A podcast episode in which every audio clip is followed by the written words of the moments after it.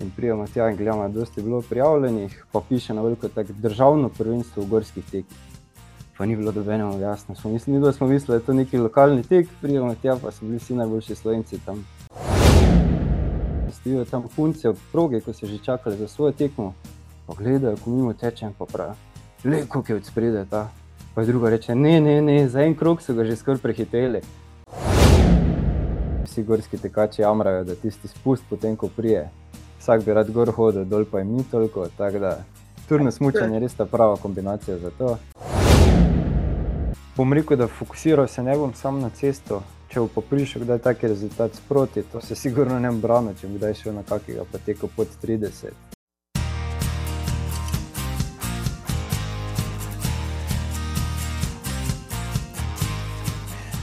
Draga publika, drage dame, ja, vse, ki tole gledate na YouTubu, dragi gospodje, ki tole poslušate v avtu ali pa na teku, ja, dobrodošli.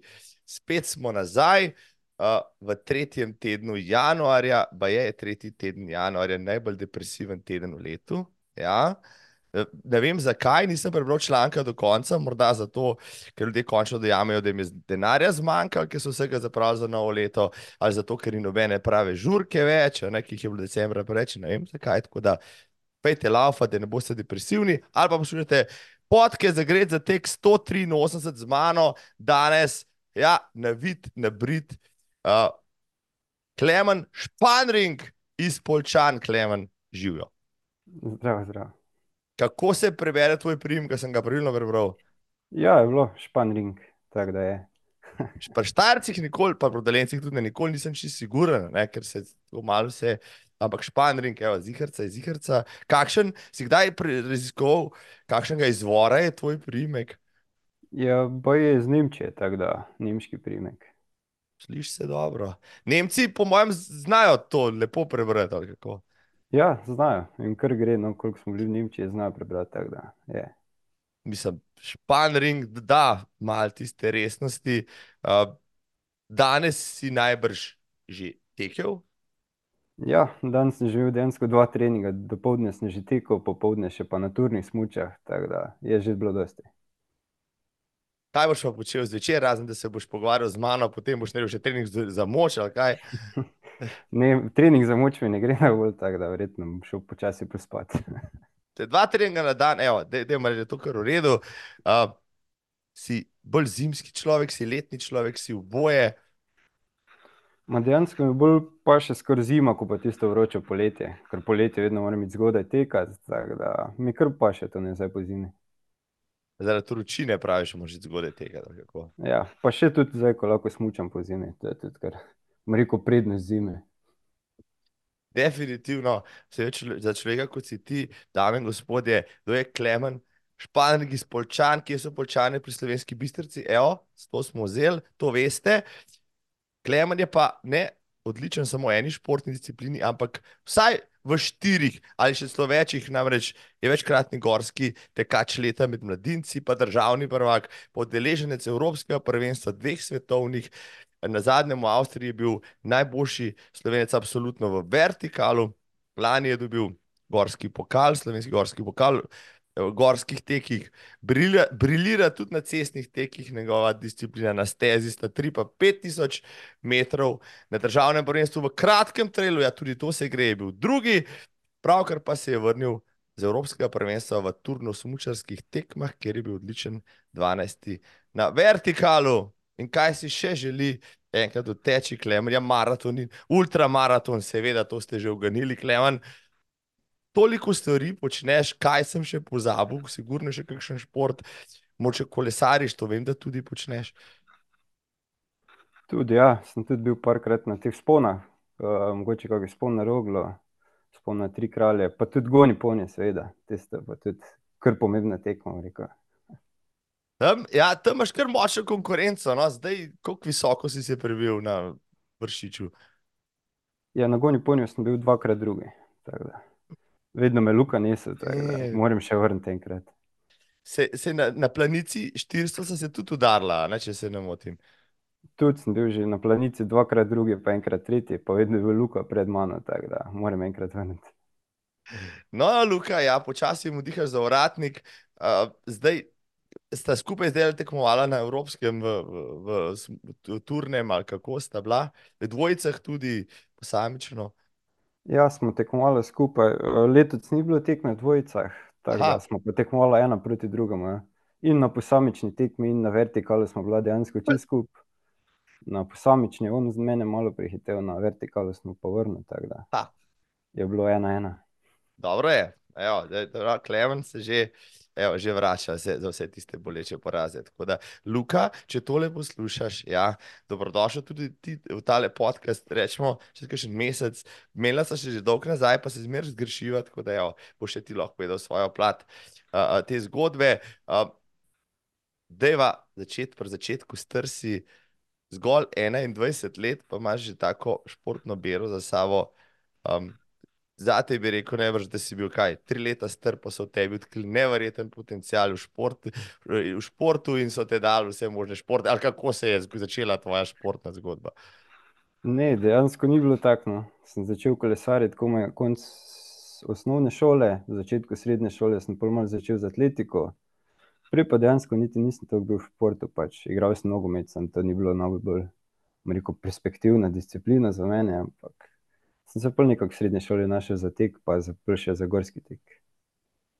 Um, no, zanimivo, da nisem zelo hitro si se pač uspenjal med svojimi vrstniki, ampak um, da prej, mislim, te osnovni šoli ponavadi vsak pravi, ki je pač kot ti mlad, uspešen, da v osnovni šoli so ga prepoznali pri kakšnem krosu, pa v kakšnem nesrečnem teku na 600 metrov, jo, bruha se mi, če se to spomnim, kot tistih uh, treh 200 metrskih krogov, ali pa kaj takega, ti tam nisi nekako izstopil ali kako. Ja, nisem, tudi v osnovni šoli so dejansko bili kar fanti, par bilo hitrejših od mene. Nisem bil nikoli, da bi zmagal kako tekmo, tako da ni noben nikoli rekel mi, daj idi ti trenirati malo to. Mi ni pač šlo, tako da ne vem, zgleda, pol se malo odprlo v srednji šoli, pa je šlo pol boljše. No, ampak kako je bilo pa v srednji šoli, začel si sam trenirati, so te pa tam mogoče začel eh, videti, kje ali kako, kako se je začela ta zgodba razvijati za res. Ja, bilo je dejansko tako, da smo bili s tem lokalnim kolesarskim društvom, ko sem malo kolesaril, to vzpone hodil.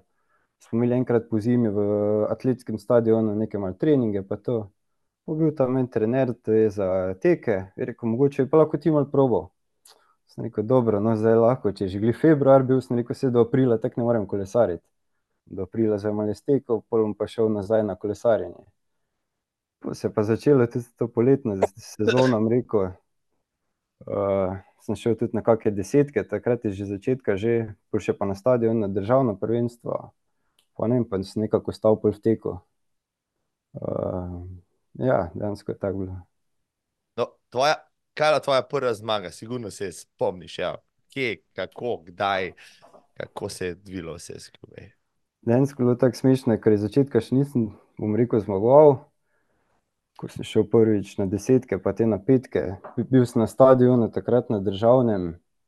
Uh, pa vem, da sem prišel na pet km čisto zadnji od vseh mladincev.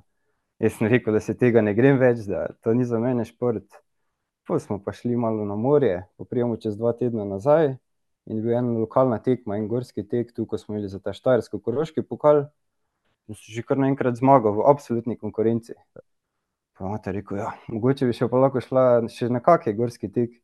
Gledamo malo po internetu in je bil kar naslednji dan tek na Golte. Pa smo rekli, ja, mogoče, če se pa dobro počutim, bomo pa šla. In se naslednji dan je že to, rekel bi šel, pa sem rekel, bom šla pogledat. In glavno se peljemo Golte, to nam je dosti blizu. In pridemo tja in gledamo, dosti bilo prijavljenih, pa piše na veliko tako državno prvenstvo v gorskih tekih. Pa ni bilo dobeno jasno, smo mislili, da smo mislili, da je to neki lokalni tek, pridemo tja, pa so bili vsi najboljši Slovenci tam. No, v glavnem, jaz sem tekel takrat v mladinski konkurenci, štartam malo bolj od zadaj, pa se pa vedno malo naprej prebijam, naenkrat smo samo še dva ostala. Mi ni bilo nič jasno, kako zdaj to, kako zdaj to, kako se zdaj to gre. In v glavnem, po pa prijemo še na eno cesto, pa mi je prepočasi šlo, pa grem malo naprej, vidim, da so vsi kar naenkrat odpadli, pa sem tekel na koncu do konca in sem zmagal takrat državno gorske teke. Potem sem še pa na koncu izvedel, da je tudi bila izbirna tekma z dejansko za svetovno prvenstvo takrat v Andori. in sem bil izbran kot najboljši mladinec za, takrat za svetovno prvenstvo. Mislim, te- potem bomo lahko pustili film, ja.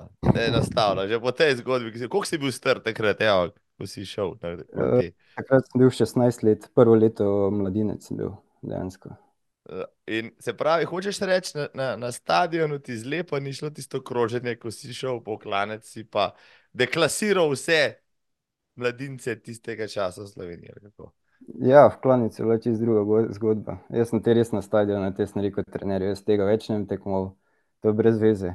Ker se prav spomnim, skoraj so me že prehiteli za en krog takrat na stadionu. Pol pa ne vem, po petki pa mislim, da so bile samo še štafete in stojijo tam punce ob progi, ko so že čakali za svojo tekmo. Pa gledajo, ko mimo tečem, pa pravijo, le, koliko je od spredaj ta. Pa je druga reče, ne, ne, ne, za en krog so ga že skoraj prehiteli. Jaz sem takrat mislil, da je rekel, to pa ni za mene. Kakšna sramota, joj, joj. In to pri pucah, ja, je grozno. Ampak, no, si pa pol dobil tiste točke na, na Gorskem. Eh, kako ga si takrat prehitev, se mogoče spomniš, kdo sta bila drugi in tretji? Uh, takrat so še zraven šli na svetovno Tine, uh, Hren in pa Aljaš Lužner. Tako da to so bili fanti takrat. Mislim, kako pa so te gledali takrat, ko si prišel kot strela z jasnega, oni si po nekih klubih trenirali cel let, pride pa tam le en povas polčan, pa jih nagoni vse. Ja, ne vem, no, kaj so si mislili. Vem, da je pol prišel tren, eh, trener, torej reprezentance do mene. Me sprašuje, odkot te sem prišel, ker niti gledal rezultate, niti stadiona ni bilo. Sem rekel, ja, ni, ni možno, da bi bili, če sem bil na eni tekmi, da zdaj se ne more biti nekih rezultatov. Pa letos nikoma začel trenirati, vse to ne gre. Ne. Uh, no, takrat si šel potem na svetovno prvenstvo. Takrat sem šel po Levandoru, smo šli. Mislim, ampak, okay, kako je pa tvoja okolica da te sprejela? Recimo, greš na neko lokalno tekmo, potem pa da prideš z vozovnico pa za svetovno prvenstvo. Mislim, noro, ne, kaj so ti rekli, človek božji, kaj se je pa zgodilo, si, mislim, a so vsi stali falili, a kaj je bilo, kaj hudiče. Ja, ne vem, no, ni bilo dejansko malo presenečenje tudi za mene, da, ne vem, zgodilo se je pač tako. In sem šel pol. Ja, kako, ti, kako ti je ostalo v spominu tisto svoje prvo svetovno prvenstvo? Ja, Jaz sem bil kar navdušen. No. Uh, spomnim se, da je bilo to ogromno. Tudi te smo prvič tekmovali proti tudi afriškim atletom. To so šli, eh, še zdaj se spomnim, bili so ena, dva, tri, pol pa je bil zadaj drugi, no četrti, potem je bil prvi Britanc in je bil, vem, že dve minuti zaostanka. Mi smo samo gledali, nobenemu ni bilo dejansko nič jasno, ker so res vsi šli zelo hitro. Takrat se spomnim, da sem bil, mislim, da 40. So pravili, ja, ja, se bo, se bo drugo leto boljše. Ampak no, smo uživali, tudi dobro sem se spoznal z vsemi tekmovalci v reprezentanci, ker prej dejansko še nisem nobenega poznal. Tako da mi je bilo res všeč in me bo manj da zavedno ostalo v spominu. Ko si enkrat v reprezentanci, kaj se potem zgodi? To me zmeraj zanima. Ali potem, ne vem, dobiš kakšnega drugega trenerja, začneš drugače trenirati, ali uh, ti, ti ne vem, kdo drug diktira zdaj, kaj moraš počenjati, kaj se je zate spremenilo, recimo. Dejansko se ni nič spremenilo takrat, bom rekel, še vedno sem imel istega trenerja, isto sem treniral kot prej. Mogoče sem potem, ko sem enkrat začel z gorskimi tekami, malo več tudi po hribah tekati, prej dejansko nisem imel, rekel, toliko višincev, tako da to se je spremenilo, drugače pa niti nekaj dosti. Ampak, kdaj si, a si takrat potem rekel, ok, jaz bom pa športnik? Ne vem, da si delal uh, srednjo strojno šolo, zdaj študiraš, sklepam tudi, ne. Uh, ampak, kje je bil, kjer moment je bil tisti, ko si rekel, ok, zdaj pa ta šport pa ni več samo moj prosti čas, to je pa resna stvar, v katerega bom vložil pa, bom rekel, svoj ali pa glavni fokus življenja. To je pa težko reči, dejansko ne vem, kdaj se je to zgodilo. Vem, da tisto sezono sem pol zaključil tudi s tekom na Šmarno goro. Potem pa druga sezona je še pa dejansko dosti bolj stekla, še vedno, še boljše rezultate sem imel. Sem verjetno takrat enkrat pol rekel, "Pf, mogoče je pa šlo to. Tako da točno kdaj pa se ne spomnim, da bi rekel, da to je za mene to. A, to je bil, hočeš reči, eh, postopni prehod je bil od, ne vem, Klemena, ki je pač, uh, ima veselje do gorskega teka, do klemena, bom rekel, športnika ali kako atleta, kako bi zdaj sebe pač imenoval. Ja, sigurno je bil postopni. To ni bilo iz dneva v noč, da bi si jaz premislil, pa bi rekel, ja, sem pa zdaj športnik. Eh, zdaj pa vem, no, zdaj mi pa res dosti pomeni šport. Ta, zdaj sem pa že na tej točki, ko bi rekel, lahko, da sem še rekel športnik. Potem si v štartu si, uh, nekako menjal stezo, pa gorske teke, ali si se potem steze utepal, kot se je dalo, še vendar le te zaslediti tudi še lansko, predlansko leto si odtekel, kakšno dirko na stezi, pa še en osebni rekord podaril. Ja, vse dejansko sem potem še kar dosti kombiniral, naprej stadion in pa gorske teke. Mislim, da letos je bilo edino leto, da nisem tekel dobenega stadionskega teka. Pač ni bilo, bom rekel, veselja do tega. Kakšne cestne teke sem že šel letos, desetke pa to.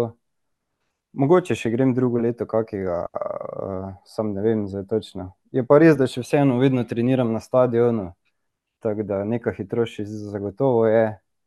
Ampak ne vem, preprosto se bolj vidim v gorskem teku, tisti stadion mi ni tako zanimiv, tisti krogi. Tako da bom verjetno v gorskem teku ostal.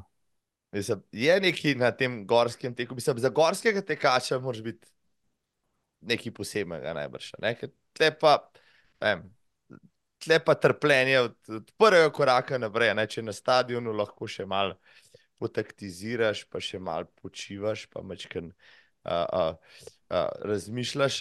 Pri gorskem teku ne moreš razmišljati, ker ti mleče, ki si naš prica z oči ven. Ali kako je to pri tem. Uh, si imel, ali pa tako rečeš, je, je to nek poseben prag bolečine, neka posebna.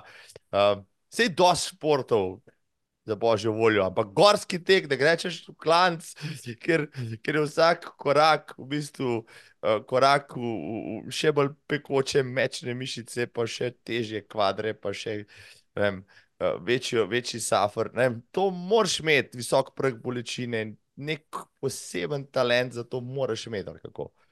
Ja, sigurno. Najboljše so vedno tiste tekme, ko lahko največji sebe iztisneš. Te, ko lahko res trpiš. Naprimer, tako je letos bilo na svetovnem, Ampak dejansko letos na svetovnem sem se tako dobro počutil, da prvih vem, dve tretjine tekme sploh nisem trpel, potem je pa prišel tistih zadnjih deset minut, pol sem pa res stisnil vse iz sebe.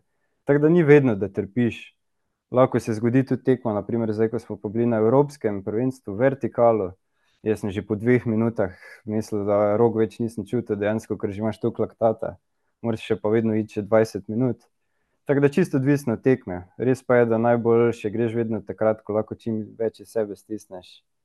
Uh, pa rekel, da so kar redke take tekme, da bi lahko vse dal iz sebe. Sploh se res moraš prav pripraviti mentalno, da lahko vse stisneš iz sebe. Vsake tekme pač ne moreš iti na 110%, na 100 mogoče ja, na 110 pa bom rekel, sam določene tekme sezone. Um, ja, zdaj kaj je tvoja specialnost ali pa tvoja najljubša? Je vertikal, kjer dobre pol ure pač grizeš v klanec, pol paš ne vem, gor dol, pa ne vem, treli in tako naprej. Ampak kaj, kje, kje se ti najbolj najdeš? Ja, trenutno imam najboljši rezultat res vertikalo, tiste, ko grejo sam na gor. Nekako ta je uh, gor dol, mi najbolj ne ležijo. Sploh zadnje, bom rekel, zadnje leta, ko imamo uh, zelo hitri so spusti na vseh teh prvenstvah, tako da mi res ne ležijo. Moram pa reči, da sem letos res užival, sem šel na par trailov, vsi so bili prek 25 km. In bom rekel, da sem tudi tam zelo užival. Sam pač meni je všeč, če je dosti višincev, dosti gor dol, če potem čim manj ravnine. In pa če se spusti zelo tehnični, potem je bolj všeč. Tisto, pa, ko greš kaški. Aha, ja. ja, če so pa tisti hitri spusti po cestah, po Mokedamu, tisto mi pa ni najbolj všeč vertikal. Kakšen je eh, vem, dober rezultat v vertikalu pod 35 minut ali pod 33 minut? Kaj, kakšen je tvoj ne, najboljši rezultat na vertikalu?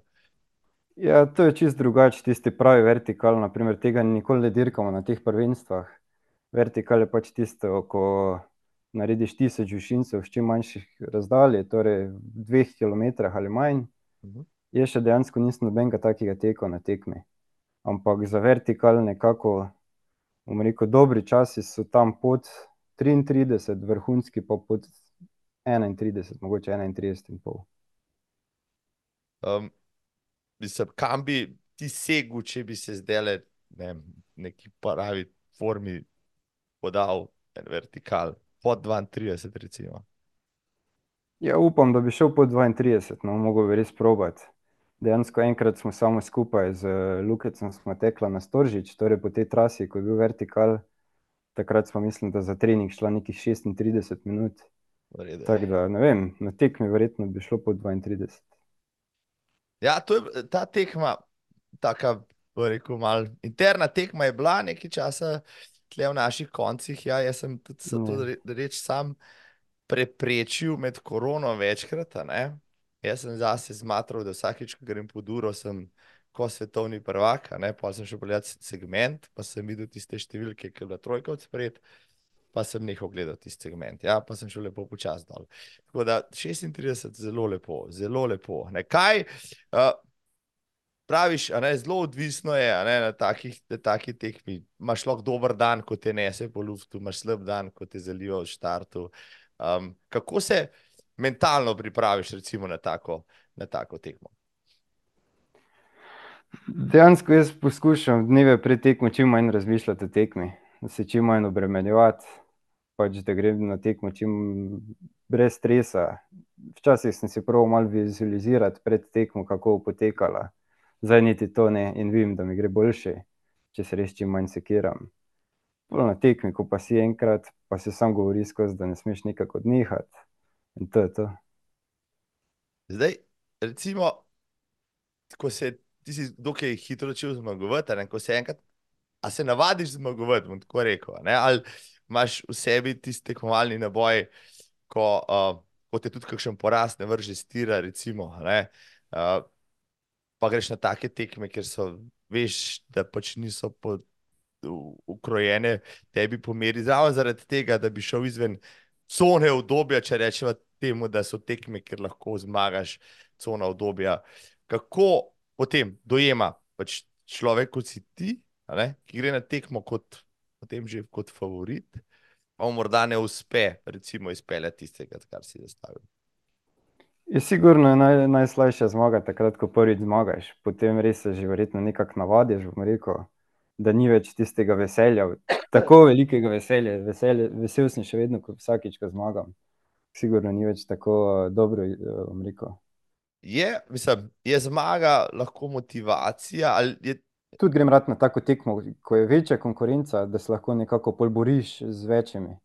Tisto mi je res všeč, rajši grem na tekmo, pa da sem, ne vem, peti, pa je večja konkurenca, kot pa da bi šel na tekmo neko pa bi zmagal za pet minut. Dosti rajši tekmujem v konkurenci, tudi letos je bilo, sem imel verjetno več drugih mest kot prvih, ampak se ne obremenjujem toliko s tem, ker če pač je drugi tekmovalec boljši od tebe, mu čestitaš in si vesel za njega, no. Si pa rečeš: "Ga bom pa na drugi tekmi prehitel," in poskušaš drugič spet. Ja, zdaj mi, zdaj mi povej, Klemen, ti si pač, ja, najmlajša generacija gorskih tekačev, jaz se spomnim še onih iz devetdesetih, ko so tekali Mestner pa Alpner pa, pa Šalamun pa pa podobni, enkrat sem vprašal Romana Kejžarja, zakaj se ni pomeril v gorskem teku, pa je rekel: "Nikoli ne grem v hrib, ker ti hrib vzame dolžino koraka, gorski tek moraš imeti krajšo pa hitrejšo frekvenco, ne." Čeprav so bili tekači v gorskem teku takrat pa odlični maratonci recimo, kako pa dandanes trenira, recimo gorski tekač za discipline, ki jih pač ti gojiš, ne, kako izgledajo tvoji treningi, je to, prej si omenil štadion, najbrž so tudi višinci, daj mi opiši recimo en tak, malo širši pregled, kako izgleda treninški teden, mesec gorskega tekača. Ja, dejansko niti ni toliko, bom rekel, tistih hribov, pravih hribov, ne hodim dosti v hribe. Delam tudi poleti dvakrat na teden na stadionu, intervale, potem pa še mogoče enkrat na teden v hrib. poskušam, no, pa vsaj trikrat iti tako, da v hrib naredim neki tek oziroma iztek vsaj. uh, da naberem nekaj višincev. Letos je bilo, naprimer, da sem naredil na poprečni teden nekje 3500 višincev, mogoče 4, nekje 100 km, pol sem še pa dosti kolesarov zraven.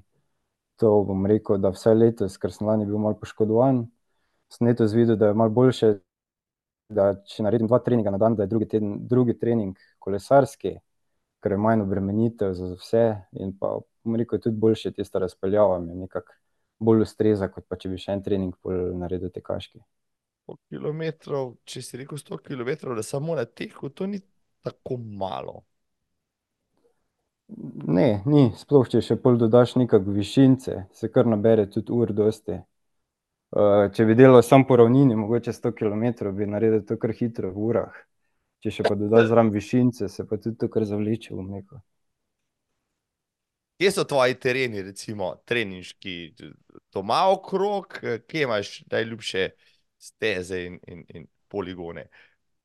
Ja, večino tu okoli doma treniram, imam par tras za ravnino, par tras v hrib, torej na Boč večino časa grem. Včasih tudi na Pohorje, če sem mogoče v Mariboru. drugače pa niti ni, največ res doma treniram. Stravo vem, da uporabljaš, najbrž tudi kakšne te kronice pobiraš na segmentih, ti je, ko si zdaj pobiral, bom rekel, te kronice, kdaj že vzel kdo kakšno kronico pa si debelo pogledal, kdo je bil to? Ja, sigurno pride kdaj kak, da mi vzame kronico, ampak se ne obremenjujem toliko s tem. Letos, rekel, do zdaj sem imel večino segmentov v pobočju, zdaj pa se letos je pa Timotej začel tudi delati v Poljčanah in kar dosti hodi na Boč. Tako da dobim vsak dan skoraj kako sporočilo, da mi je kaka kronica padla. Pa si ne rečeš pol: to bom pa jaz šel zdajle v štirinajstih dneh pa bom vzel nazaj hudiča." Ne, se ne obremenjujem s tem, tako da. Včasih kdo pride do mene pa mi reče: "Pa, Klemen, kako si mi zadnjič tisti pa tisti segment vzel?" Pa jaz rečem: "Ja, saj sploh ne vem, kje je to." Tako da se ne obremenjujem s tem, no.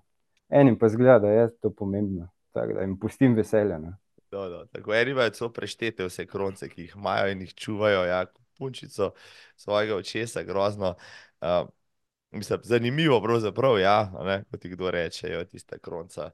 Strava, strava je, kako ti gledaš recimo na Stravo, no, kot, socialno omrežje, kot ne vem kaj, primerjalnik, kot motivator, vem, zakaj je zate Strava, zgolj in samo statistika ali še kaj več? Ja, rad pogledam tudi na Stravo, no, kaj drugi delajo, me zanima včasih, bom rekel, ne spuščam se glih v podrobnosti, ampak tako, da vidim, koliko so naredili mogoče kilometrov kateri dan.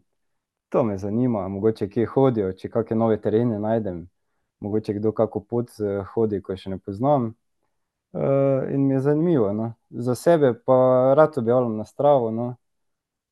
ker mi je dober pregled, se mi zdi, da je res pregledna aplikacija. Tako da se lepo spoznaš iz tistih podatkov, rekel. To je res, ja, Strava naredi cel kup analitike, tudi če imaš zastonjsko, tako kot jaz, še preveč analitike, posebej če si zanič.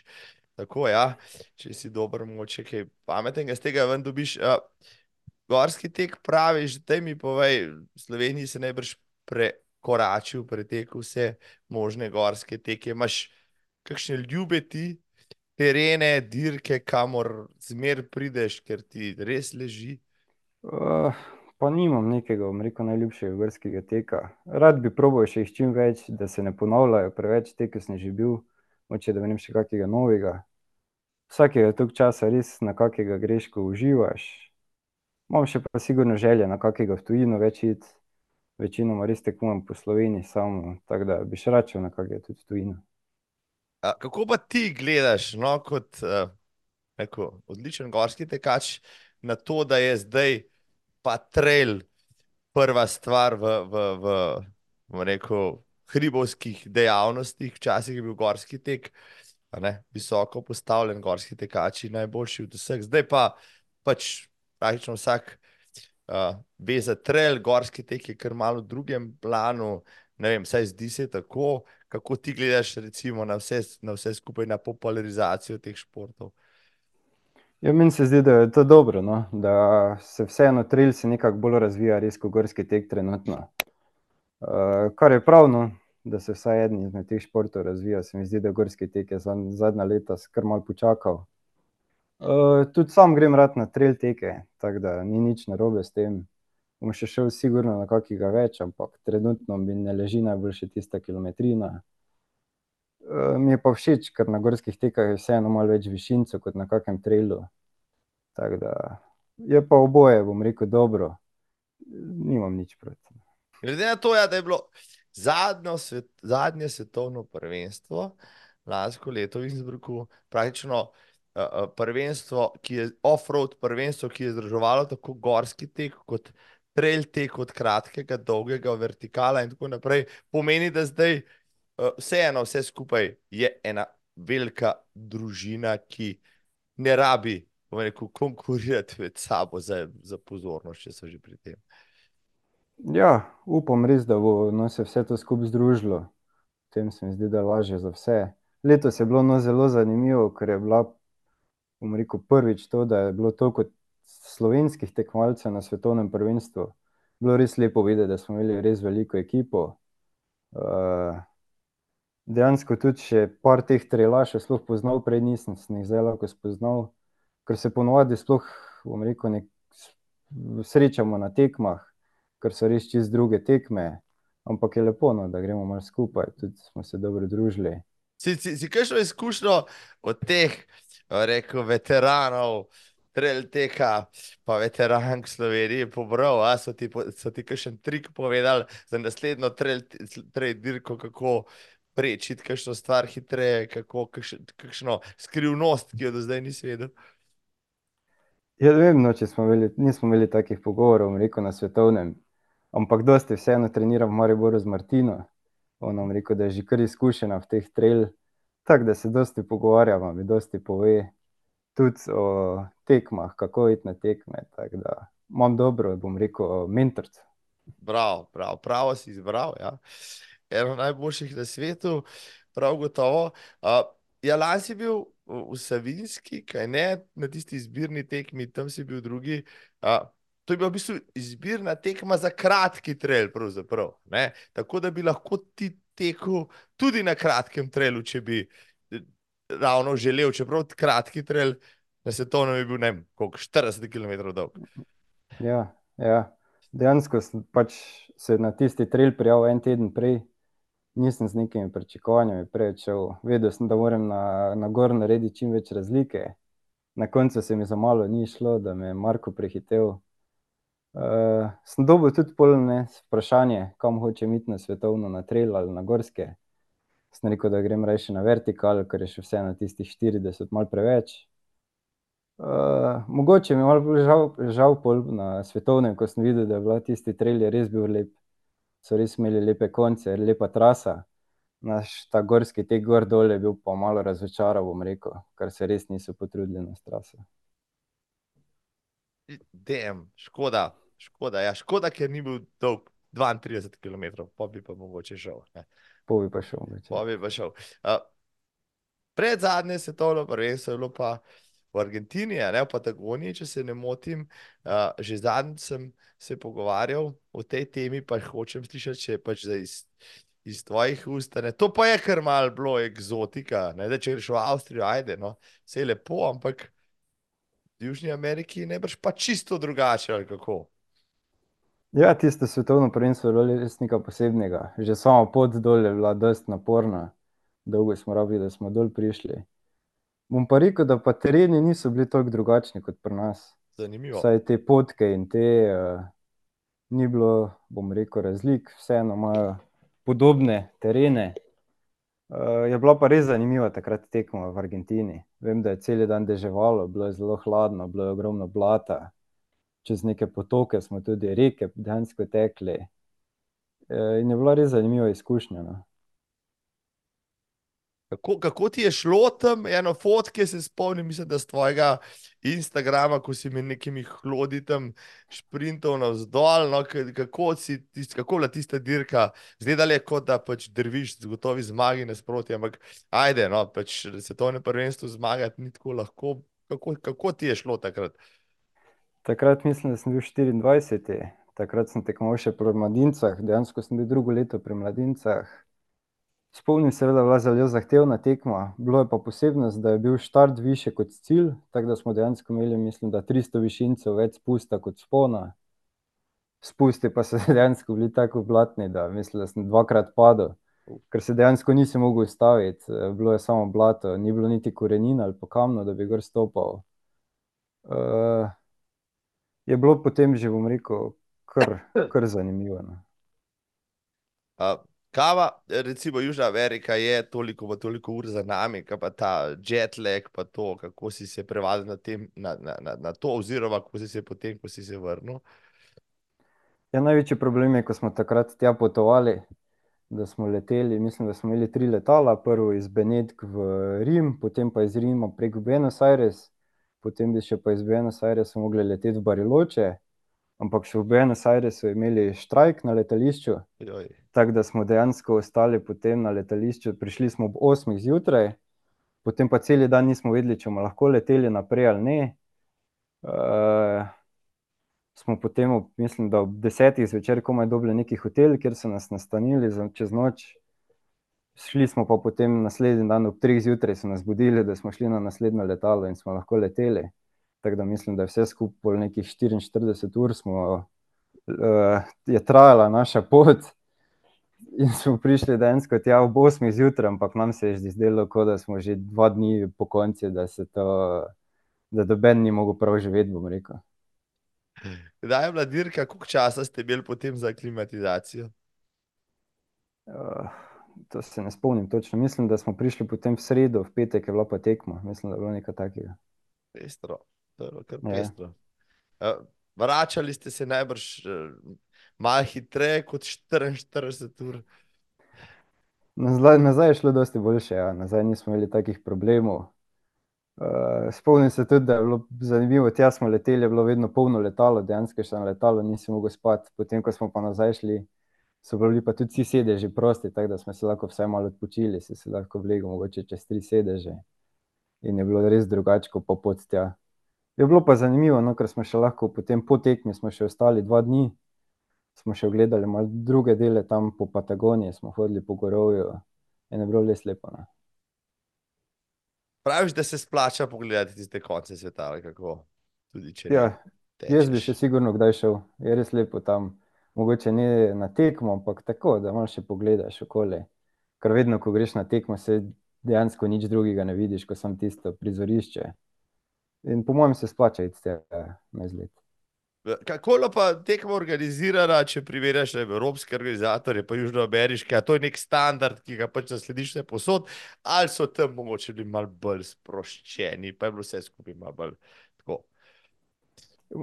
spomnim se, da je bilo najslabši del, da smo imeli res hrano ni bilo, ni bila dobro organizirana. Prevozi so nekako tako še šli skozi. Potem pa smo dejansko šli na ogled proge in sploh nismo vedeli, kje poteka trasa, ker dejansko ni bilo podatkov. Potem so nam pa še, mislim, da na dan tekme so nam spremenili celo traso, tako da dejansko nismo vedeli, kje sploh gre. Mi smo čisto drugo traso pogledali dva dni prej. mislim, da je bil takrat problem, da je bilo malo preveč vode in niso mogli speljati tiste originalne trase. Tako da je glede tega bilo kar zanimivo. Zanimivo, koliko svetovnih prvenstev imaš zdaj že za pasom? tri v gorskih tekah pa dve v turnem smučanju. Zanimivo, no, do turnega smučanja se kmalu, kmalu prideva, Svetovna prvenstva gorskih tekov, morda veš, po koledarju, katero je naslednje svetovno prvenstvo pa na kateri eksotični lokaciji bo organizirano? Naslednje svetovno prvenstvo bo drugo leto, torej dva petindvajset, koliko pa vem, pa bo v Španiji. brez veze. mislim, na toliko takih zanimivih destinacij na svetu, samo da bi ravno Španija, no. Zakaj ni, ne vem, Tajska ali pa... Predlani je bila Tajska, ja. Ja, to je že bilo, ja. Pa takrat ni šlo nobene iz Slovenije, tako da mogoče škoda za tisto. Ma ja, ja, saj vem, da so s tem povezani tudi stroški, jasno, ne, to ni Ja. zastonj priti na drug konec sveta, ne, čeprav najbrž bi bilo zanimivo iti v Avstralijo ali pa Vietnam ali pa Mongolijo, recimo Mongoliji bi bilo luštno lavfati, ja, to, to bi bilo, no, ampak Ok, pustimo tudi Španijo v redu, sigurno boš pociljal tudi tja, v Španijo naslednje leto. Uh, kaj še od velikih tekem do takrat, ne vem, uh, ti imaš bolj v glavi ta koledarček? Ja, letos imamo Evropsko prvenstvo v Franciji, tako da je to, bom rekel, dejansko letos glavna tekma sezone za gorske teke. Uh, si že v reprezentanci, se rabi še kvalificirati, kako bo potekal ta postopek? Uh, imamo zdaj marca in aprila izbirne tekme, dve, torej za gor in gor dol, tako da bomo videli. Uh, dejansko bo pol bo verjetno po tistem izbirali reprezentanco. Letos je malo zanimivo, ker je dejansko Evropsko prvenstvo že konec maja, tako da je zelo zgodaj. Težko so našli tudi vem, da tekme za izbirne, tudi za trail bo dosti problema letos, ker nimajo tekme prave. Ampak ja, bojo dejansko izbirali pol iz tistih dveh. Kje pa so ti dve izbirni tekmi? No? Če... Uh, tekma za gor dol bo v Novi Gorici, uh, tekma na gorje pa tam Bubin tek, to je pa pri Ajdoščini. Vse skupaj na primorskem, torej. Ja? Ja, ja. Oči slovenskih gorskih tekačev, prte, torej tja, nastopil boš najbrž na obeh ali kako? Ja, bomo videli, zdaj ta prva tekma gor dol se mi še malo pokriva zimsko sezono s turnim smučanjem na drugo tekmo, tisto na gor, bom pa verjetno šel. Ja. No, to že moraš, ja, da si. Da greš pa če na Evropsko prvenstvo, zakaj pa ne? Na Evropskih prvenstvih si tudi že bil, kaj ne da, ne? Koliko evropskih imaš za sabo? Uh, dve, evropske imam pa dve. Povej mi, kje, kje je bilo lepše, kje je bilo bolj zanimivo, kje je bilo bolj uh, noro? Uh, prv, torej 2019 je bila res lepa tekma, smo imeli v Cermatu. Cermatu v Švici. Torej pod Materhornom. Uh -huh. Tudi vse slike so tam nastale lepe. Tista je bila na gor, tista je bila res dobra. Lani smo bili pa na Kanarskih, na La Palmi. Tista je bila tudi zanimiva tekma, ampak sigurno ne tako lepa kot tista v Cermatu. Uh, letos praviš pa Francija ali kako? Ja, Annecy. Da, Annecy, ja. Annecy, ja, tudi znano ime iz, iz teh krogov. Si že bil v tistih koncih, boš prvič potoval tja? Ja, dejansko smo bila novembra letos na svetovnem pokalu, dosti blizu z Rejo. Uh, tako da že ne poznam tistih terenov iz poletne sezone, ampak iz zimske.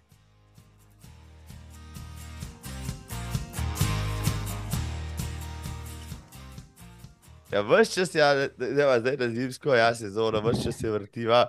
Uh, ko sem se imela za tale podcast, ja, uh, že pred novim letom, če se ne motim, si mi rekel, da je tako le. Med 15 in 18 imam, imam pač okno priložnosti, ne, ne se hecati. Uh, prej imam pač Evropsko prvenstvo, potem na svetovni pokal, zdaj se pa najdva tule. Ne. Jaz sem rekel, da tudi če po vseh štirih raven sposle zlez, bom tam, evo, da te ulovim, pa mi boš malo razložil, zdaj vse skupaj. Najprej pretekli vikend, kar udarno, malo sem spremljal tako z levim učem. Ste bili kar zanimiva družščina, kar nekaj vas je bilo na Evropskem prvenstvu. Ja, letos nas je šlo sedem atletov in pa trener zraven.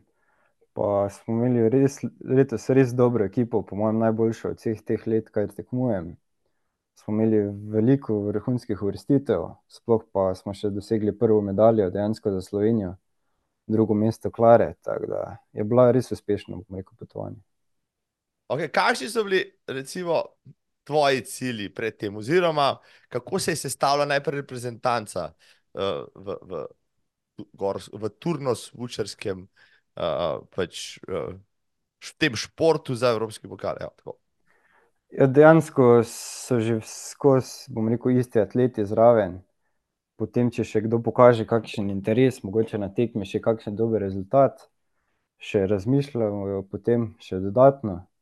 Letos smo že nekako šli že oktobra na priprave, uh, zraven smo še vzeli par mladink, mogoče da še one kaj pokažejo. Potem se je pa letos zgodilo, da sta se nam naknadno še zdaj pridružili Klara in pa Ana ko sta Ana je bila druga na državnem prvenstvu v sprintih, Klara je pa zmagala pri mladinkah, tako da ste se dejansko oni dve zdaj čist v zadnjem trenutku, bom rekel, pridružili še. In odnesli ste medaljo, kako je šlo tebi, recimo po pričakovanjih, si pričakoval več, si presegel tisto, kar si želel? Dejansko bom rekel, da nekako po pričakovanjih šlo. Posamična tekma je bila približno tam nekje, kot sem pričakoval. Za vertikal sem imel najvišje cilje, sem rekel čim bližje deseterici. Bil sem dvanajsti, tako da sem bil res zadovoljen. potem mešane štafete pa tudi, no, dobra uvrstitev. Kje kje je bilo to prvenstvo, no, še to povejva publiki, ki zdajle ne špiči ušesa pa reče: "Okej, kje sploh imajo sneg zdajle v Evropi, bog pomagaj, a ne, na dva tavžent moraš iti najmanj." Ja, to je bilo prvenstvo je bilo v Franciji, torej blizu Chamonixja v okraju Flame. Eno tekmo smo tudi imeli v Chamonixu. To pa mislim, da dejansko vsi gorski trail tekači poznajo. Ja, vsi molijo k svetemu bogu, iz Chamonixja, ja, k UTMB-ju, ja, pa polagajo tiste kamenčke, svoje bokse, da bi bili vžrebani. Seveda, seveda, ampak ti si tekmoval v drugi disciplini. Daj, dajva ta malo razčistiti osnovne pojme. Tiste čase, dvajset let nazaj, se spomnim, je bil, so bile tekmovanja v, v turnem smučanju približno taka, ne, da si šel na Jezersko ali pa na Zelenico, na smuče si nalepil one pse, potem si se pač s par starimi kozli pognal tam v en klanec, a ne, in, in tisti, ki te prvi pridrsal do gor, je bil pač, pač zmagovalec in, in bil kronan, tako noben za to ni vedel, ampak zdaj pa to resen šport, ki se mu reče skimov, a ne, daj mi razloži, a ne. Najprej kratico, potem pa še, kako ves ta šport dandanes izgleda. Dejansko bom rekel, da se v Sloveniji ni dosti spremenilo, še vedno hodimo na Jezersko in pa na Zelenico na tekme. Še vedno se preganja na Spart, tako da, in ponavadi noben ne ve dejansko, za kaj se gre, ko pride tam kak mimo, rekel, pohodnik. glede kratice, to je angleško ski mountaineering, torej krajše skimo, v slovenščini pa to dejansko tekmovalno turno smučanje. zdaj pa, okej, ne, jaz sem si to predstavljal pač, to je pač tek v klanec, ne, s smučami na en način, ampak disciplin je več, ne. Disciplin je, je tudi vertikal, je tudi gor dol, so dvojice levo, desno, daj mi malo razloži, pa tudi tistim, ki to poslušajo, pa jim mogoče ta stvar ni, ni tako domača, ne, prvič, kakšno opremo moraš imeti, kakšne smučke moraš imeti, kaj moraš nalepiti na smučke oziroma kako jih moraš namazati, kako sploh to poteka? Ja, torej glede opreme, važno je, da je čim lažja dejansko. čim ožje smučke, torej nekje širina petinšestdeset, da so teža, če si mogoče predstavlja kdo, je sedemsto osemdeset gramov za smučo plus vez. Potem še pa turni pancer, ki je dejansko čisto gibljiv, s katerim lahko hrib hodiš, ko pa prideš enkrat na vrh, pa zapreš in se lepo odsmučaš dolino. bom rekel, oprema je večinoma iz karbona, da je čim lažja in pa tudi zato je čim dražja. dejansko, ko hodiš navzgor, prilepiš na smučko posebne pse oziroma kože, ki ti omogočajo, da drsiš navzgor, dol ti pa ne zdrsne. Ko pa prideš enkrat na vrh, pa te kože potegneš dol iz smučke, jih zložiš in se lepo odpelješ dolino. Če pa gremo glede disciplin, najbolj osnovna je posamična. To je sestavljalo več vzponov, izpustov, nekje ponavadi je tam okoli tisoč petsto višincev za moške. Torej, je skupinski štart, potem pa vsi nekako hodijo skupaj. Večinokrat poteka to tekmovanje izven urejenih prog, torej offroad, in gor in dol. Gor hodiš po špuri, dol pa se dejansko smučaš po celem snegu. Potem druga disciplina je vertikal, to je dejansko najbolj preprosta, najmanj tehnično zahtevna. Štart je spodaj, cilj je na vrhu, kdo prvi pride, tisti je zmagal. to so ponavadi po smučišču in res se pač pokaže, kateri je najmočnejši. Zdaj sta še pa dve bolj novi disciplini, šprinti in pa mešane štafete. Šprint je posebnost, da je najprej so kvalifikacije, torej štarta vsak za sebe, potem pa se gre v skupinski del. pri šprintih dejansko najprej začneš s smučkami, potem jih daš na nahrbtnik, imaš kratek peš odsek, potem jih spet daš na noge, greš do vrha in še kratek spust, spust je pol med veleslalomskimi količki in pol poteka in je čas zmagovalcev ponavadi nekje dve minuti in pol. Tako da res intenzivna disciplina. Potem pa še mešane štafete, to je pa dejansko čisto novo zdaj so uvedli. dejansko samo za olimpijske igre, ker bo to olimpijska disciplina skupaj šprinti. Je podobno kot šprinti, s tem, da sta dva kroga, približno tako dolgo kot šprint, torej vse skupaj nekje osem minut za zmagovalca. Je pa posebnost to, da tekmujeta fant in punca skupaj. In najprej štarta punca, preda fantu, potem pa še enkrat ponovi punca in še enkrat fant. To se mi pa zdi, da je neka specifika. Ker dejansko ne vem, če pri kateri drugi disciplini tako, da tekmuješ prvo ti, pol imaš deset minut pavze, pol pa spet moraš iti. Tako da je pa kar zanimivo to, bom rekel, vsaj za gledalce. Zato je tudi, bom rekel, olimpijska disciplina. No, to, da bo skimal olimpijska disciplina, ja, mi je ta prva razlagala Rea ne. Zanimivo, da je tudi, da je ona tista, s katero si ti v paru dosegel nekaj odličnih uspehov. Letos namreč tekmujeta z njo skupaj prav v tej disciplini v svetovnem pokalu, če se ne motim. Ja, letos smo takrat v Franciji skupaj tekmovala v mešanih štafetah. takrat sva bila deveta, torej res dobra uvrstitev. Zdaj na evropskem sem pa tekmoval skupaj z Ano in pa je Luka vzel rejo. Tako da smo malo zamenjali, bom rekel. zdaj, ja, okej, olimpijska disciplina, leta šestindvajset v Torinu bo skimal na olimpijskih igrah, ne. To je zdaj neki postopek kvalifikacijski najbrž že poteka ali bo začel potekati v kratkem. Najbrž ti to že vse veš. kako se prebiti pa med koliko, koliko tekmovalcev sploh bo, v teh disciplinah tam, kako jih bodo izbirali. Daj mogoče malo osvetli nam še to temo. Dejansko se bodo začele kvalifikacije naslednjo zimo, dejansko bo pa tako, da bo šlo dvanajst štafet. norma je torej pač kvota je dvanajst ekip, torej fant in punca, štiriindvajset atletov. Potem pa vsi tisti, ko se bodo uvrstili na štafetah, bodo potem tudi šli na šprinte. Na šprintu bo še pa zraven dodatnih šest tekmovalcev. Tistih šest se bo pa uvrstilo kot najboljših šest po lestvici svetovnega pokala. Tako da bo dejansko vse skupaj osemnajst atletov. Kar pa so dosti male norme, male kvote, no. Zdaj, kot laik, kar si do zdaj povedal, če sta bila deveta, to pomeni, ajde, vidva sta, če bi upoštevali ta svetovni pokal, bi bila znotraj teh dvanajstih ali kako, ali obstaja kakšna lestvica, na kateri se že zdaj beležijo točke? Ja, trenutno, bom rekel, da bi se lahko uvrstili na olimpijske igre po trenutnih rezultatih. Bo pa tako pač, da se bo uvrstila država, torej Slovenija, potem pa bo znotraj slovenske reprezentance, interna izbirna tekma verjetno, kjer se bo izbiralo tekmovalce. Torej, ki bosta šla na to olimpijske igre. Tako da trenutno ima Slovenija eno mesto. Že zagotovljeno, ali kako? Ja, zagotovljeno ne, ker še trenutno niso niti odprte te kvalifikacije, ampak če bi po trenutnih lestvicah gledali, bi imeli mesto, ja. Bi imeli mesto v mešanih štafetah? Ja, ja. Tako. No, to sta v bistvu pridelala vidva z, z Reo, če se ne motim, ali? Ja, pa že lansko leto, lanski rezultati tudi. In pa letošnji iz evropskega, ko sta bila pa onadva deseta, tako da, ja. Smo med dvanajst trenutno. Mislim, dve leti, ja, olimpijski, mislim, malo pa te, bom rekel, vznemirja misel na to, da bi bil, da bi nastopal, ne pri triindvajsetih že pod olimpijskimi krogi, ali kako. Ja, sigurno. Se mi zdi, da to si vsak športnik želi, da bi enkrat bil na olimpijskih igrah. Mogoče so nam malo pokvarili zdaj, bom rekel, šport, ko so dali na olimpijske igre glavno disciplino, šprint in pa mešane štafete. Ker bo mogoče kdo gledal, pa mu ne bo čisto jasno, za kaj se gre. Ker ni to tista klasična disciplina, bi rekel.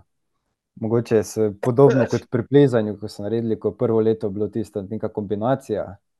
Zdaj pa se, no, napreduje in bo šlo tudi več disciplin. Tako da mogoče tudi mi upamo, da bo pa naslednjih olimpijskih igrah tudi posamična tekma. In bo se mogoče šport malo bolj približal tistemu, kar je v realnosti. No, glede na to, da so to šele prve olimpijske igre s tem športom, pa da boš ti tam star triindvajset let, pa da boš na naslednjih star šele sedemindvajset let, ja, to imaš prav, imaš prav, ja. Nikamor se ne mudi, kje bodo leta sedemindvajset, pardon, trideset igre, no, to pa sploh še ne vem, a že, a je že znano? jaz tudi ne vem, samo mislim, da se nekaj o Franciji govori trenutno. Če se ne motim. Nekje, nekje, kjer bo najbrž sneg, ja, tako je. Če bo leta 30, če kaj snega v Evropi, vi ne boste šli pa, pač v Patagonijo. Ja, pa, Ja. pa tam, mislim, se pravi, da je lepo.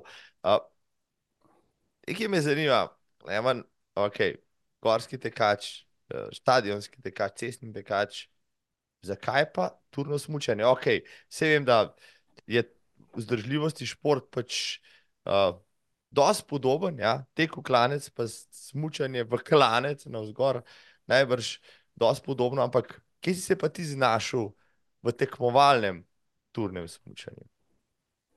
Je dejansko rekel prvo, da je to res zelo podobno. Gorski tek in turno smučanje, odlična kombinacija. Naprimer, če poleti tekaš, po zimi greš na turno smučanje. Kar ti res omogoča, da tudi po zimi nabiraš višince, pa ne trpiš na spustu, ker večina se mi zdi, vsi gorski tekači jamrajo, da tisti spust potem, ko prije. Vsak bi rad gor hodil, dol pa jim ni toliko. Tako da turno smučanje je res ta prava kombinacija za to. In pa, ker ponovadi po zimi ne moreš ravno zahajati v hribe, ker je ponovadi sneg, moraš imeti več opreme, s turnim, s turnimi smučanji pa lahko hodiš tudi po hribah. Uh, in še na drugi način, bom rekel, vidiš tisto naravo. Sam pa sem se nekako znašel v turnem smučanju, ko sem dobil povabilo od selektorja. Uh, na enem gorskem teku smo bili skupaj in je rekel, če bi prišel mogoče po zimi provat. Sem rekel, zakaj pa ne, pridem provat. So me neko opremo takrat zrihtali, da sem malo začel. Pol sem si svojo kupil, ampak sem začel takrat tudi tekmovati, sem šel na par tekem. Spet je bilo tako, da sem potem že kar po treh ali štirih mesecih že šel na svetovno prvenstvo zraven, ko sem bil takrat tretji na državnem prvenstvu vertikal. Uh, spet sa pri Luku Kovačiču, kdo je še močan v, v, v turnem smučanju, v turno-smučarskih tekmah pri nas? Je trenutno še imamo pri mladincah Maja Pritržnika, potem Pritržnik, točen. kadeti Mhm. je še Jon Pritržnik, torej njegov brat. Uh, imamo pa zdaj se res dobro tudi ženski del ekipe. Torej imamo pri članicah Reo, ki je že dlje časa v turnem smučanju in Ano, potem pa še pri mladinkah Klaro. To je pa dejansko, bom rekel, to od tega glavnega dela. Kje je letos državno prvenstvo, je že znano, kje bo?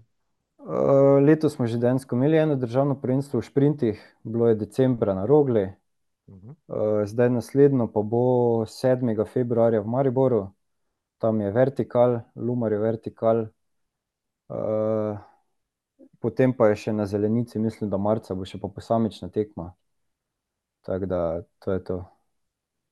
Kje pa ti treniraš, recimo, zdaj, ok, gorski tek lahko treniraš, ko greš z bajte ven, ampak na, za turno smučarske pa rabiš morda še en meter više se kako. Ja, ponovadi vsi rečejo, kako ti če je štajerski, se to ne moreš trenirati turnega smučanja, to moraš biti vsaj gorenc.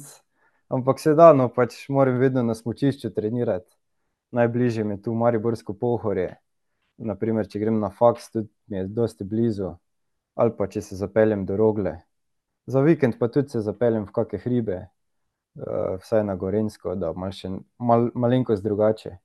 Drugače se pa da brez problema trenirati po smučišču in bom rekel, da imam kar dobre pogoje.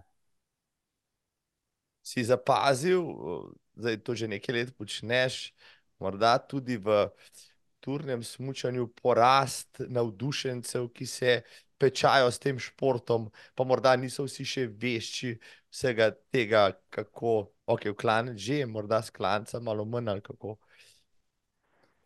Pa vidi se, da je dosti turnih smučarjev, ni, ni načeloma tekmovalcev, ampak turnih smučarjev pa dosti srečam, sploh če grem tudi po smučišču v Mariboru. Je bom rekel, da jih kar dosti srečam, če pa greš na Gorenskem na kako zelenico, pa dejansko hodijo tudi v koloni gor. Tako da sigurno je porast turnega smučanja, sploh od korone naprej. Sploh med, med korono takrat tudi, ko je bilo zaprto vse smučišča, so dejansko vsi kupili turne smuče in šli na smučanje. Se pa pozna tudi veliki porast na teh tekmah, svetovni pokal, svetovna prvenstva. Konkurenca se je res zgostila, težko je že narediti neki dober rezultat, ker dejansko je vse odprto, lahko si mogoče na stopničkah ali pa si 20, ker so razlike res male. Uh, in ja, je zagotovo zanimanje za to. Pa srečaš v skimoju tudi tekmovalce, ki jih potem poleti srečuješ na gorsko-tekaških vertikalih in tekmah, ali je to specifičen šport, ker se nekateri specializirajo samo in izključno morda za turno smučanje? Ja, bom rekel, da je dosti teh, ki se ukvarjajo poleti tudi z gorskim tekom. Praktično ni takega, ki ne bi poleti nič delal. Če pa ne na gorsko teka, pa ima sigurno je kolesar. Tako da mogoče že če prvo deseterico zdaj pogledaš na evropskem prvenstvu, tudi sigurno jih je osem takih, ki poleti potem gorske teke tekajo. Tako da je dosti podobna scena.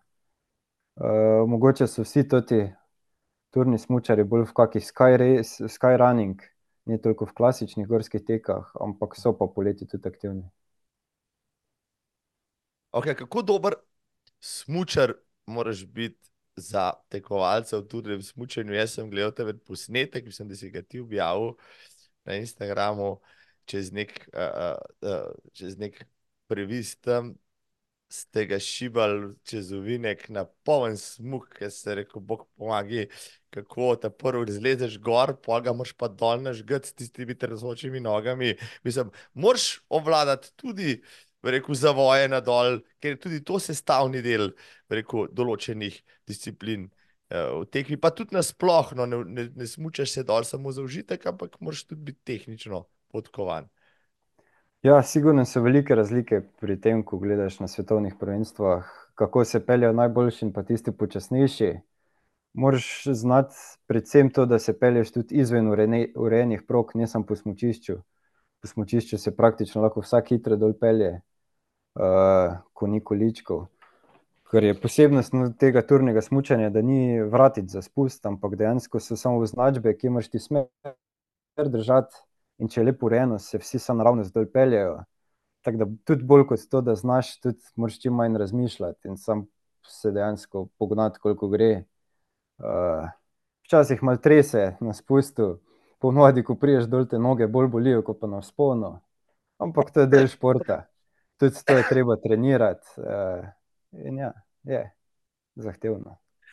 Koliko zamudno pa je recimo, si rekel, vzponi, spusti pa več teh ponovitev pa, nalepiti kože pa odlepiti kože pa pospraviti kože pa se spustiti pa, mislim, je to kar cel kup enih, enih stvari, ke pri triatlonu, si predstavljam, pri menjavah, kjer hočeš biti čim hitrejši pa čim bolj ekonomičen.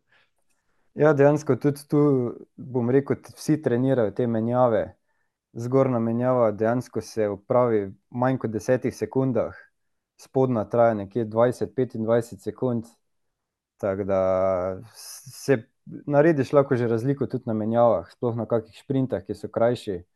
Mora ti že biti podzavest, da točno veš, kaj boš naredil. Na teh malo daljših se pa tudi lahko kaka skupina pobegne, če delaš pet sekund dlje menjavo ali pa deset.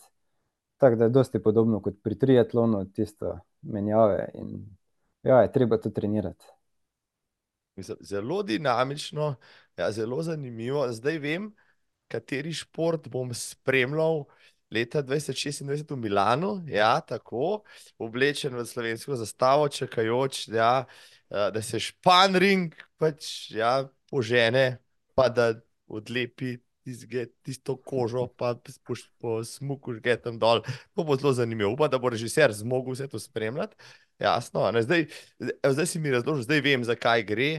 Prej, prej sem pač po fotkah gledal pa si mislil, da pač to so tisti ljudje, ki nočejo po klancu dol hoditi pozimi s hribov pa si vzamejo smučke s sabo, zdaj vidim, da je to kar zahteven šport. zdaj ti, ti si danes naredil dva treninga, enega na smučkah, enega na suhem. To ponavadi delaš, kombiniraš? Ja, malo težje je, da bi dva treninga na smučkah naredil, ker se vseeno moram vedno peljati na ta trening. Tako da mi je lažje pač, če naredim dva treninga, da grem enega tekaškega. ni mi pa zdaj, no, bom rekel, da vsaj poskušam zdaj čez zimo štiri ali pa pet treningov na smučkah narediti, ostalo pa še pol na peš. Zdaj ta oprema, oprema, si rekel, to je kar drago vse skupaj. Uspeš dobiti kakšnega to, da si pač reprezentant, udeleženec vseh teh prvenstev, vendarle dobiti kakšnega sponzorja, da ti to sofinancira, ali te ta strošek bremeni, bremeni tvoj žep? Ja, bom rekel, da je v Sloveniji zelo težko dobiti sponzorja. Imamo srečo, da nas podpira Elan, torej že reprezentančni sponzor je in pa tudi moj sponzor osebni, tako da smuče imamo vsaj pokrite. Potem za, za pancerje pa tudi imamo nekako, imam dogovor s Karpo, tudi za poletno sezono, ker so to res veliki stroški. Že na primer oblačila je težko dobiti, bom rekel, že oblačila so draga, ampak tudi tu imamo pomoč reprezentance. Torej imamo reprezentančna oblačila tudi za treninge in je dosti lažje potem, no, če imaš neko pomoč pri tem. No, sponzorji tam zunaj, ja, mislim, premalo daste, da daš še najboljše na cvetober slovenskega gorskega teka in bodoče olimpijce, tako da veste, katerih cepatih tečeš, recimo poleti v klanec najraje. Ja, poleti imam res upravljeno samo s Karpo. Samo s Karpo praviš. Mhm. Ja, najrajši uporabljam imajo model Ribble Run. V tistem zadnje čase največ treniram in mi res odgovarjajo, no, na nogo. Skimo, kdaj se zaključi potem sezona, turnega smučanja? Zadnji svetovni pokal je prvi vikend aprila, potem je še pa tudi svetovno prvenstvo v parih konec aprila, tako da se dejansko kar dolgo zavleče. Tja seveda še potuješ? ja, na zadnji svetovni pokal verjetno bomo šli, na svetovno prvenstvo pa verjetno ne, bomo še videli, no. Potem pa praviš pa takoj na izbirno tekmo za gorski tek, pa se sezona nadaljuje, ni počitka. omenil si neko poškodbo, zdaj v športih, katerih si, kakšne poškodbe pa si lahko pridelaš, recimo? Dejansko sem dobil poškodbo pri teku, mislim, da na stadionu celo. Imel sem takrat plantarni fascitis, in sem mogel potem, bom rekel, pol sezone bolj kolesariti ko pa tekati, ker me je res bolela skozi noga. Še vedno zdaj malo čutim vsakega toliko časa, če malo pretiravam, me malo zabremza. Tako da res poskušam, no, da sanirati to še vedno. Pri enaindvajsetih, ja, si, imaš tudi neki pogled v prihodnost, zdaj študiraš, praviš, ke ne? usklajuješ, je, je težko usklajevati študijske obveznosti z vsemi temi treningi ali vendarle uspeva? Ja, zaenkrat uspeva, bom rekel, da je vedno lažje, zdaj sem že tretji letnik. V prvem pa v drugem mogoče celo malo težje, zdaj mi je že malo lažje, ko sem se malo navadil, približno že vem, kako gre. ja, študiram pa strojništvo, tako da ni najlažji faks. predvsem problem mi dela to, da moraš imeti tisto prisotnost na vajah. tisti izpiti, kolokviji že nekako grejo, se že naučiš doma, ampak tista prisotnost pa včasih malo, bom rekel, se moram dogovoriti, da mi nekako statusom to pogledajo čez prste. No, pa imaš, saj to sem hotel reči, zaradi statusa kaj malo več protekcije, a ne, kot vrhunski športnik vendarle, da ti, da ti kakšen rok prestavijo, kakšen, kakšen, kakšno kakšno odsotnost pregledajo. Ja, to je čisto dogovor potem z vsakim profesorjem posebej. ampak načeloma zdaj še ni noben nekako kompliciral, če rečem pač, da ne morem na neke vaje pa to, mi rečejo, da ni problema. Tako da gre, trenutno gre. vem, da Luka Kovačič uspeva v športih, sta dosti podobnih športih, v gorskem teku, v, turnem smučanju, še kje. on uspeva nekako zagotavljati svojo eksistenco, je profesionalec, lahko v tem športu postaneš profi, se da od tega živeti, kaj bi vse mogel narediti, kako dober bi mogel biti, da bi lahko od tega vsaj nekaj let imel prihodek? Ja, Luka nekako mu gre, še vseeno mora zraven nekaj delati, ni on čisto profesionalec, še vedno ima službo, bom rekel, da ko gledam v tujino, jim dosti res uspeva, sploh v Italiji, dosti gorskih tekačev profesionalnih. V Sloveniji pa to res dosti težje. Kak rezultat bi mogel doseči, da dobiš take sponzorje, ne vem, ampak upam, no, mogoče, da tudi meni kdaj uspe, da bom lahko, rekel, to delal profesionalno. Če bi te povabili kam v tujino, recimo, tekmovati za kakšen tuj klub, kaj takega, bi kolebal ali bi se pač mogoče odzval? po mojem bi se takoj odzval, no, ker mi je res to veselje delati. Če bi pa lahko to delal pol vsak dan, je pa še toliko boljše. Tako je, zdaj sicer strojništvo lahko še počaka, ja, po dveh olimpijskih bo še lahko strojni inženir, mislim, saj strojnih inženirjev tudi manjka v Sloveniji pa vsepovsod, tako da glej, a ne, tale faks odkljukaš pa ti je prihodnost potem. uh, uh, zagotovljena. Uh, kaj bi, recimo, evo, nasploh zdaj teh športih, v katerih si, imaš kakšne cilje, recimo, ki bi jih še rad dosegel? Ne vem, okay, medalja na nekem svetovnem prvenstvu bi sigurno bila neka prav posebna češnja na torti, ampak to ni kar. Tako, to je lažje reči, pa dosež. Kam, kam okay, ali pa vrstiti na olimpijske igre, ali pa vem, 77 zaporednih državnih naslovov, ne vem, hecam se seveda, ne se jih ima že več. Koliko imaš državnih naslovov, vse, koliko, imaš preštete? Ne, ne vem tako, da je težko reči. Mladinski imaš cel kup, ne vem, koliko jih imaš v članski, če veš, koliko jih imaš v članski. Uh, pri gorskih tekah še nobenega, pa tudi v drugih disciplinah ne. Pri turnem smučanju imam, mislim, da tri. Tako da pri gorskih tekah še počaka na članski naslov. Mislim, da si komaj da poslal član, no, vse to je pa tudi res, ja, da jih bo še lahko, še lahko usvajal. No, ampak, ja, vprašanje je bilo, v bistvu, uh, pri 21-ih uh, si v vsaj dveh športih zelo, zelo perspektiven, zelo dober.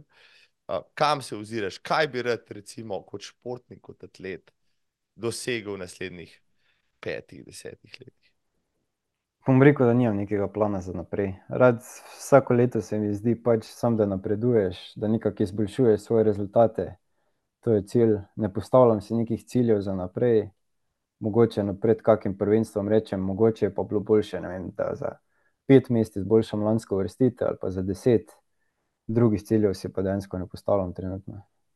No, tudi, to je v redu, ja, da, se, da se ne bremenjuješ stvarmi, katerimi se ni treba bremenjevati. Letošnji koledar, rekel si, nekaj si že omenil, eh, imaš že začrtan za celo leto ali se boš tudi odločil potem za, za drugi del sezone še, še sproti? Uh, bom še sproti dopolnjeval. Zdaj, mogoče za prvi del sezone že imam nekako približno planirano. Uh, bomo videli. Prvo bom rekel, da moram zaključiti zimsko sezono, pa bom komaj začel gledati za poletno. Upam, da sem lahko še pol za drugi del sezone kako pomembno tekmo, bom rekel, zbral. Lani sem imel nekako cilj tisto svetovno prvenstvo, pa za drugi del sezone nisem našel več nekega glavnega cilja. Upam, da bo letos malo drugače, da še najdem potem septembra ali oktobra kako dobro tekmo. In bom še potem tekmoval. V Sloveniji je ja, tudi koledar, ravno zadnjič sem ga pregledoval, pa malo se stavilo cel kup trail, gorskih tekov. Moče boš še trail več letos odtekel, glede na to, da se množijo kot uh, gobe po dežju, pa da je vsak teden eden. Ja, sem v planu. Zdaj vidim, da mi že malo boljše grejo te tudi daljše razdalje. Rad bi tekel tudi kako 30 letos. Imel sem nekaj planirano, Eh, da že mogoče kako 50, ampak po mojem bo tisto še malo počakalo. Bom pa rekel, da so mi všeč te uh, daljše tekme tudi, tako da sigurno bom kdaj še potem šel malo dlje. Ja, enem intervjuju si dejal, da ja, nekoč bi rad tekel maraton, pa ultramaraton. Si mislil to dejansko na cesti, ali bolj na trailu, ali pač oboje? Dejansko mi trenutno bolj vleče v gorske, bom rekel, gorske ultre, gorske maratone. Tako da na cesti mogoče tudi kdaj kakega teče, ampak trenutno pa tisto ni v planu. Najdaljša stvar, ki si jo tekel na cesti, je? Uh, desetka, dlje še nisem tekel, še pol maratona nimam. Tisto leto pred korono sem ga imel planiranega, potem pa zaradi korone vse odpadlo. Tako da to me še tu čaka pol maraton. Koliko si desetka uspel zdaj, uh, rezultat približa 30 minutam? Uh, letos najboljši teko 31, ni 7. Tako da bom še pa leto sigurno probal kakim cestnem teku izboljšati. 31.07, ja, kar visoko kotira v Sloveniji ta trenutek. No, glede na to, da je v letu 23, mislim, da samo en tekač šel pod pol ure, uh, ja, pa je neparih je šlo pod 31, 31.07 bi te uh, na kakšnem državnem prvenstvu, vsaj na cestnem, zelo visoko postavilo. Ne bi te mikalo teč po 30 minutami, recimo, ali je to preveč, meniš, da za tisto, kar zdaj vlagaš, vse ostale športe, bi to zahtevalo preveč fokusa od tebe, pa nimaš take motivacije. Bom rekel, da fokusiral se ne bom samo na cesto, če bo prišel kdaj taki rezultat sproti, torej s treningom, ki ga delam za gorske teke in pa vse ostalo, pa se sigurno ne brano, če bi kdaj šel na kakega pa teko pod 30. Da je pa sam to se pripravljal, pa trenutno nimam plana. Ne. No, če ti bo to uspelo kot gorskem tekaču, potem bojo vsi atleti nehali trenirati, tako da ja, zdaj si pravi, še to, še španring, ne začne lapati pod pol ure, pol, pa, pol pa ne bom več hodil v slovensko bistrco, pa v konice, pa nikamor več, ne, ker, bo, ker boš ti jim vse pobral. Če bi šel teč pol maraton, recimo, ja, koliko kol bi ga recimo tekel? Bi vzate, kaj bi bil zate dober rezultat na pol maratonu, tako reči? Ne vem, verjetno, če bi se pripravljal, bi ga hotel teči pod 1,10. Takrat vem, da ko sem se pripravljal, bom rekel, kaj je bilo to 2020, torej 4 leta že zdaj nazaj, sem ga na treningu tekel nekje 1 uro 18, tako da mogoče je pa šlo pod uro 10 na kaki tekmi. Pod uro 10, ja, bi skoraj da moralo iti, no, da že skoraj kreativci tečejo. Spremljaš kaj nasploh, če imaš sploh čas spremljati, ne vem, morda svoj šport, morda celo atletiko nasploh, uh, kakšne odmevne rezultate zabeležiš in tako naprej. Ja, sigurno se dosti vidim, če kakšni rezultati pridejo. Sploh, ker že zdaj na socialnem omrežju res takoj ti ven vrže na Instagramu, Facebooku, če pade kakšen svetovni rekord. Tako da približno poznam ali spremljam tako cesto kot gorske teke, stadion, tudi če po televiziji včasih pogledam kako tekmo, da, ja. No, zadnjič je Primož Kobe dejal, ko je tekel v Valenciji, včasih je z lahkoto tekel, vsaj nekaj minut imel prednosti pred najboljšo žensko, zdaj ne lovi niti več, ne, prvih petih, žensk, tako da, no, in par dni nazaj je padel nov svetovni rekord na deset kilometrov na cesti, osemindvajset šestinštirideset zdaj znaša. Ja, zapišite si, draga publika, to je samo šestnajst sekund slabše od slovenskega državnega rekorda na deset kilometrov, ki je star mimogrede štirideset let. Ja, osemindvajset šestinštirideset pa že dolgo noben slovenski fant ni tekel. čisto tako, ker si mlad pa spremljaš vse zadeve, zakaj meniš, da je v cestnem teku pa v stadionski atletiki prišlo do takih prebojev pa do takih rekordov? Je res tehnologija vse naredila ali so pristopi treninški naredili svoje ali kaj drugega po sredi? Ne vem, čisto v vseh športih, ko gledam, dejansko se konkurenca vedno bolj gosta. Tako od kolesarjenja, teka na smučeh, turnega smučarja. Tako da, ne vem, izgleda, da res konkurenca naredi svoje, da ko en postavi boljši rezultat, ga vsi lovijo in se nekako sproti mu pač to izboljšuje. Vem, da so takrat vsi pravili tistih čevlji. Saj nekaj doda, samo ne vem, koliko je pa potem razlike dejansko. A si probal v karbonkah, najbrž si probal teči v karbonkah? Sem imel kar par parov od Nikea in Salomona in Hoke, tako da sigurno se pozna. Sigurno si hitrejši, tudi za treninge je dobro delati v tistih karbonskih, tako da je sigurno tudi, tudi prineslo boljše rezultate. Da bi tekel na smučeh pri vseh športih, ki jih počneš, pa pač nimaš časa ali pa volje ali pa te ne zanima? Včasih tudi grem malo za sebe, če imam kak lažji dan, tudi grem tekat na smučeh, ampak tisto je malo tehnika matra, tako da, ja. Tudi, pa tudi grem pozimi kdaj. Tudi mene tehnika matra, ja. Ja, še dobro, da nimamo snega. Ja, da bi se ne polomil na smučkah. za konec, dragi, Klemen, povej mi, zdaj, imaš ti kakšne vzornike pa idole, to vprašam vsakega mladega atleta, ki mi pride semle pred kamero in mikrofon. Se zgleduješ po kom, ti je kdo navdih? Morda Slovencev nasploh, morda nekdanjih, morda aktualnih športnikov, športnic. Bom rekel, da nimam nekega pravega vzornika, no. vedno malo pogledam, ko kdo kake rezultate dobre postavi, si mislim, da res vrhunski so športniki, ampak da bi imel pa enega vzornika, to pa nimam. Se tako govorijo športniki, ki so vzorniki drugim. Ja, pišite španring, ja, nalepite si ga na steno pa ga občudujte, ker prehiteli ga ne boste. A letos te bomo srečali mogoče na Goni poni, na Vršiču, na velikanki, v Planici, to vem, da si bil že nekajkrat tam, ja? odvisno od koledarja. Sigurno, lani mi je glih, smo bili takrat na svetovnem prvenstvu v Goni poni, mi ni zneslo. Letos mogoče. Če bo koledar pravi, bom pa šel sigurno in uh, goni poni in planice. A p- ponija imaš svojega, si ga sposodiš? Imam svojega. ja. Ja. To je dobro, to svojega moraš imeti, pa dobro namazanega, ja, pravi formi. No, no, enkrat moče pridem še jaz, saj pogledati te stvari. Uh, Klemen, Španring, um, a vidiš, tole se pogovarjava, mimo rede malce kava, urca gre, urca pa pol, prej si omenil socialno omrežje, si uh, par let starejši od moje hčere, ne, katere, katerih eh, katere nje in njenih vrstic, v rekel, afinitet do, do, do aplikacij in socialnih omrežij ne razumem že nekaj nekaj let. Ne? Za me je že pač Instagram, ok, tu še razumem, Snapchat mi že tam, tam, TikTok mi pa bolenca. Daj mi povej, ne? Zdaj ti najbrž si uporabnik socialnih omrežij, ali imaš sploh čas to uporabljati, oziroma ko uporabljaš, kaj uporabljaš. Dejansko najbolj uporabljam Instagram. Sam bom rekel, da bolj malo objavljam, to mi najbolj ne gre. Gledam pa tudi dosti, kar gorno bom rekel. Uh, drugih pa dejansko ne uporabljam. Imam še Facebook, to pa to od socialnih omrežij. TikToka nisem nikoli imel, tako da tisto pa ne poznam. ti si čisto zastarel. No.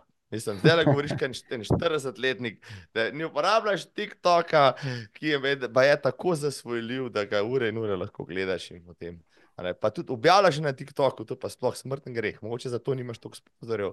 Da če ni objavljati na TikToku, pa bodo sponzorji prišli sami. Saj tako pravijo znane vplivnice tam zunaj. Uh, Klemen, bilo mi je v, v čast in veselje. Um, res te bom zdaj podrobno spremljal.